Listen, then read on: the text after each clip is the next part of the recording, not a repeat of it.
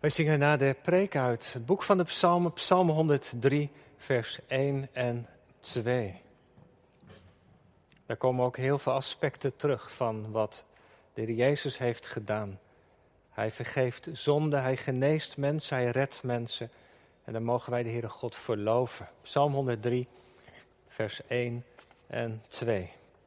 En ik weet niet of je het kerkboekje thuis hebt uitgeprint, maar ik denk dat je tijdens de preek of daarna ook wel allerlei vragen zult kunnen beantwoorden. Het thema voor deze dienst een huis van gebed en ontferming.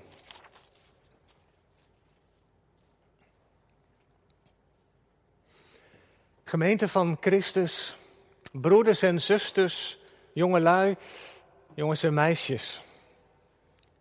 Er was eens een man die koning werd over verschillende stammen.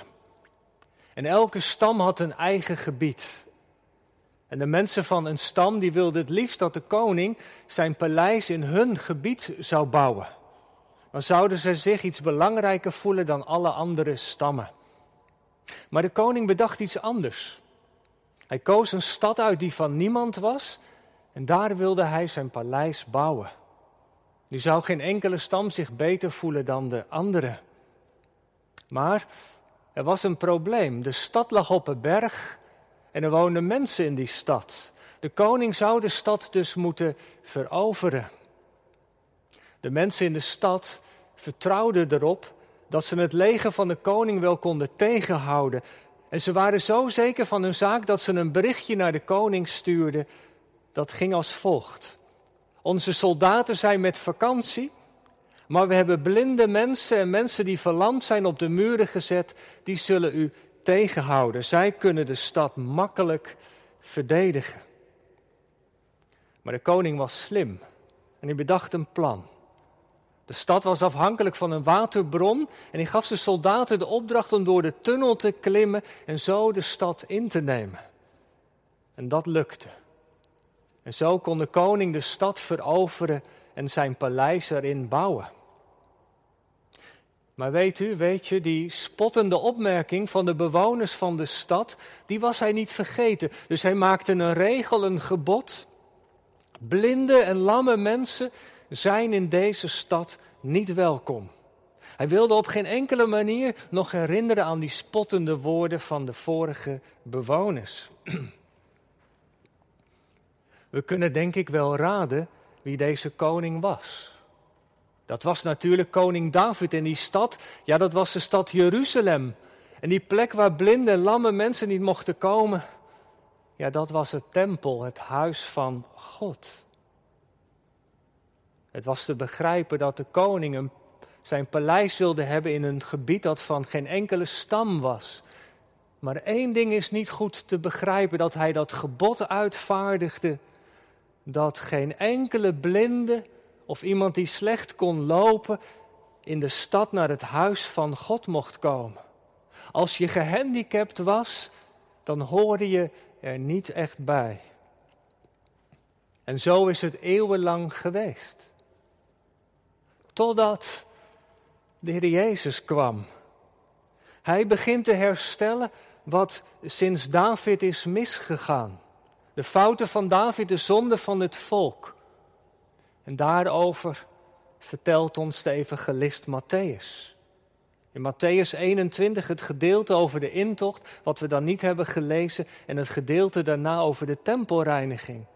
Als de Heer Jezus dan eindelijk naar de stad Jeruzalem gaat, beginnen de mensen te roepen: Hosanna, de zoon van David. Gezegend hij die komt in de naam van de Heer. En even later, als Jezus op het tempelplein is, zijn er ook kinderen die hetzelfde roepen: Hosanna, zoon van David. Iedereen daar in Jeruzalem beseft dat er iets bijzonders staat te gebeuren. En dat blijkt uit twee dingen. Eén, ze noemen Jezus de zoon van David. Nou, iedereen in de stad wist dat de Messias, de door God beloofde redder, een zoon van David zou zijn. Uit het geslacht van David zou hij komen. Hij was de zoon van God en tegelijkertijd de zoon van David. Er gebeurt daar op dat moment in Jeruzalem dus iets heel bijzonders. De mensen beseffen, ze hebben het door. De door God beloofde redder komt binnen. Hij komt de stad bezoeken. Er gaat iets belangrijks gebeuren. En het tweede wat opvalt, dat er iets bijzonders gebeurt, blijkt uit wat ze roepen. Zowel de mensen als de kinderen roepen Hosanna. Nou jongens en meisjes, volgens mij kennen jullie dat woordje wel. Het lied uit opwekking 298 zingt daarvan Hosanna, Hosanna in de hoge. Heer, ons hart is vol lof, wij verhogen uw naam. Hosanna in de hoge. Het woordje Hosanna klinkt als een aansporing, als een oproep om God te loven. Nou, dat moeten we zeker doen. Maar ik weet niet of je weet dat dat woordje Hosanna ook een betekenis heeft. In het Hebreeuws betekent het letterlijk: Heere, red ons toch. En dat is dus daar in Jeruzalem wat de mensen en de kinderen roepen: Hosanna, Heere, red ons toch. U bent de Messias. En dat is precies waarvoor de Heer Jezus is gekomen. Hij is de beloofde redder. Hij komt om alles goed te maken. En als hij dan Jeruzalem binnenkomt, dan gaat hij linea recta als eerste naar de tempel. En waarom doet hij dat? Nou, in de tempel laat de Jezus zien waarvoor hij is gekomen. Here, red ons toch, roepen de mensen en de kinderen. En daar op het tempelplein laat Jezus zien wat redding is, waarvoor hij is gekomen. Drie dingen doet hij daar op het tempelplein. En je weet, het getal drie in de Bijbel is een belangrijk getal. Drie dingen doet Jezus om te laten zien waarvoor hij gekomen is. En het eerste is dit. Hij reinigt de tempel en laat zien dat de tempel een huis van gebed moet zijn. Want als de Heer Jezus op het tempelplein komt, dan ziet hij daar de tafel staan van de geldwisselaars. Hij ziet mensen die duiven en andere spullen verkopen. En nu moet je weten dat dat niet ongebruikelijk was. De Joden die de tempel bezochten, zeker met de feestdagen, kwamen overal vandaan. Uit Egypte, uit Syrië, Libanon, uit andere plekken. Overal kwamen ze vandaan. En de handel op het tempelplein had te maken met de offers die werden gebracht. Mensen die kwamen, die moesten daar spullen voor kopen, soms ook een offerdier. En betaalden dan met het geld dat men van huis uit had meegenomen. Maar kwam je uit Egypte of kwam je uit een ander land, op al die muntjes stond dan de afbeelding van de heerser van dat land. Rome, dan was dat de Romeinse keizer. En de Joden vonden dat dat niet kon, dat was majesteitsschennis, dat zou God oneer aandoen. En daarom moest iedereen die in de tempel wat wilde kopen, muntjes, speciale munten kopen. Tempelmunten, een soort heilig geld. En daarom stonden daar de tafels van de tafelwisselaars en moesten ze daar het geld wisselen. En het was ook gebruikelijk als je van ver kwam en je kon geen offerdier kopen, dat je dat dan op het tempelplein kon doen. Een lammetje of iets anders. Een paar duiven als je weinig geld had. Nu was dat allemaal gebruikelijk, niet zo bijzonder. Maar het probleem was, dat, dat weten we misschien wel, dat de priesters daarmee geld verdienden en er zelf beter van werden. Ze maakten de wisselkoers wat anders, zodat de mensen meer geld moesten betalen voor, voor dat speciale tempelgeld. Of de lammetjes. Hij had een lammetje meegenomen een lange reis, het zag er helemaal volmaakt uit, maar het werd door de priester afgekeurd en dan moest je daar voor een dure prijs iets kopen. Dus het was eigenlijk heel dubbel. Er werden offers gebracht, dat had de Heer God ingesteld en tegelijkertijd werd er misbruik gemaakt van de mensen. Want die offers die moesten gebracht worden. Als je dankbaar was voor de geboorte van een kind, dan ging je naar Jeruzalem toe om de Heer te danken. Als er zorgen waren, ging je daarom te bidden. Als er ruzie was om het goed te maken en verzoening te vragen. Dat was allemaal door de Heer ingesteld. En tegelijkertijd werd er misbruik van gemaakt. En het is een drukte van je welste. De mensen schreeuwen door elkaar heen. Je kon de dieren horen blaten, de duiven horen keren. En als dan de Heer Jezus op het tempelplein komt, dan ontsteekt hij in woede. We hebben dat gelezen. Hij keert de tafels om, hij gooit de stoelen, hij stuurt de mensen weg en ineens ligt alles stil op het tempelplein. En hij roept de mensen toe: het huis van God moet een huis van gebed zijn. Jezus legt de tempeldienst daar stil en wijst naar wat de profeten altijd al hadden gezegd. Jesaja, Jeremia, mijn huis, zegt God, moet een huis zijn van gebed. En dat is dus het eerste wat hier gebeurt. De heer Jezus bepaalt de mensen bij hoe de tempel is bedoeld. Een huis van gebed waar je komt om de Heer te danken en om Hem voorbeden te doen. En weet u, in deze weken van crisis moest ik steeds weer aan dit woord van de Heer Jezus denken. Door het virus komen heel veel dingen stil te liggen. Onze studie misschien. Ons werk is heel anders. Onze school. Ineens is alles anders. En is het zelfs rustig op de straten of in de parken. En ook in de kerk hebben we daarmee te maken. Ineens gaat er een streep door al die dingen die we gepland hadden. Een huwelijk, beleidenisdienst, categorisaties, de clubs. Ineens valt dat allemaal weg. En dat is jammer. En het kost ons best moeite om dat allemaal een plek te geven. Verdrietig ook als je hoopt te trouwen en het kan nu niet doorgaan. Maar ik moest wel steeds aan dit woord van de Heer Jezus denken. De tempel als huis van gebed. Want zo wordt in het Nieuwe Testament de gemeente, zo worden wij als gelovigen ook genoemd tempels. Misschien zegt de Heer Jezus door deze crisis wel tegen ons: laat mijn huis een huis van gebed zijn. Vergeet één ding niet dat het gebed het allerbelangrijkste is. Afgelopen vrijdag kreeg ik een bericht van een bevriende dominee uit Chili dat helemaal op slot zit. En hij zei dit. Gerrit, ik heb sterk de overtuiging dat God wil dat we deze tijd gebruiken voor gebed. En dat we ons nog meer dan ooit richten op Hem en op Zijn woord. Mijn huis zal een huis van gebed zijn. Er is immers zoveel nood. Misschien gebeurt dat bij jou of u ook wel, dat mensen zomaar aan je vragen, naar je toe komen met vragen. Hoe ga jij hiermee om? Jij die gelooft. En God wil niets liever dan ons gebruiken, door ons heen werken. En daarom is het gebed voor onszelf en voor anderen zo belangrijk. Vandaag mogen we dat in deze dienst ook doen. Danken. En bidden voor de nood van mensen dichtbij en ver weg. Mijn huis, een huis van gebed. En dan het tweede. Wat doet de Heer Jezus nog meer? Nou, het tweede dat hij doet daar, is dat hij lamme mensen en blinde mensen geneest. En Matthäus vertelt, het is eigenlijk wel bijzonder.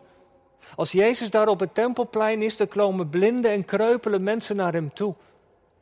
En Jezus ontfermt zich, hij geneest ze. En dat is bijzonder. Sinds de uitspraken van koning David waren blinde en lamme mensen in de tempel niet welkom. Zo wordt het in handelingen verteld dat bij de poort een blinde zit te bedelen om een verlamde om hulp te vragen. Maar nu komen ze naar Jezus toe. Ze hebben door dat er iets bijzonders aan de hand is. En Jezus ontfermt zich over hen. Jezus doorbreekt die oude regel van koning David. Hij breekt de vloek die er op deze mensen lag. Ook zij mogen bij God horen. Jezus geneest ze. Waarom doet hij dat? Ik denk dit om aan de mensen te laten zien dat hij de Messias is. Want weet u, wat hadden de profeten gezegd? Precies dat wat Jezus doet. Jezaja in hoofdstuk 35 zegt dit, als de Messias komt, wat gebeurt er dan? Dan zullen de ogen van de blinden worden geopend, zegt hij. De oren van de doven worden ontsloten. Dan zullen verlamden springen als een hert en de mond van stommen zal jubelen. Jezus laat zien waarvoor Hij gekomen is. Om alle dingen nieuw te maken. Jezus is gekomen om elke vloek te verbreken. Natuurlijk, voor alles de vloek van de zonde. Door de zonde zijn wij buitengesloten van de gemeenschap met God. En daarom gaat Hij de weg naar het kruis om verzoening te doen. Voor u, voor jou en voor mij. Zodat wij weer met God verbonden kunnen zijn. Jezus is gekomen om mensen die buiten zijn gesloten te vertellen dat ze er ook bij mogen horen. Want bij God is geen aanzien des persoons. Wie je ook bent, wat je verleden ook is, je vragen en waar je allemaal mee zit, wat je hebt gedaan. Niemand is te slecht, te zondig om een relatie met God te kunnen hebben. Wat een wonder is dat, vind je niet? Daarom heeft Jezus extra oog voor kwetsbare mensen die buitengesloten waren al eeuwenlang. Want dat is Hij ten voeten uit. Hij heeft oog voor elk mensenkind. Hoe getekend dat ook is, door zonde, door ziekte, verdriet of lijden. Hij is daar als de heiland. Gekomen om alles nieuw te maken. En daar, op dat tempelplein, doet hij dus een teken. Hij geneest mensen die afgeschreven waren en laat zien, kijk, zo zal het zijn als straks mijn koninkrijk komt, dan zal, zullen lammen lopen, blinden kunnen weer zien, dan zal er geen ziekte, geen zonde zijn, maar vreugde, eeuwige vreugde. Geloof je dat? Het enige dat je hoeft te doen is met je leven naar de Jezus gaan en zeggen: Heer, wees mijn heiland. Zo eenvoudig. En zo mogen wij ook in deze dienst bidden tot de Heer Jezus. Hij die onze hemelse dokter is. Wij mogen bidden voor zieke en zwakke mensen. Met het gebed dat Hij zich over hen ontfermt. Over hele kleine kinderen zelfs. Daar zullen we voor bidden. Want zo zegt het woord, hij kan en zal en wil in nood volkomen uitkomst geven. Hij is een God van ontferming. Ik kom bij je derde punt. Er zijn kinderen die Hosanna roepen. En Matthäus legt hier ook even de vinger bij. Op het plein staan priesters en, priesters en schriftgeleerden toe te kijken. Ze zien de wonderen die Jezus doet. En ze horen dat de kinderen ook beginnen te roepen: Hosanna, zoon van David. Maar het zint ze niet, ze worden boos. Ze worden boos op Jezus. Stop daarmee. Laat die kinderen hun mond houden. Veel te veel drukte hier. Maar waarom eigenlijk? Wat is er mooier als de ogen van kinderen opengaan voor wie Jezus is? Als je kinderen hebt, dan is dat toch wat je verlangt. Bid je elke dag voor dat ze de Jezus zullen leren kennen, dat ze van Hem gaan houden, dat Hij hun heiland is. Maar de geestelijke leiders moeten niets van Jezus weten, ze wijzen Hem af. En dit klinkt niet als muziek in hun oren.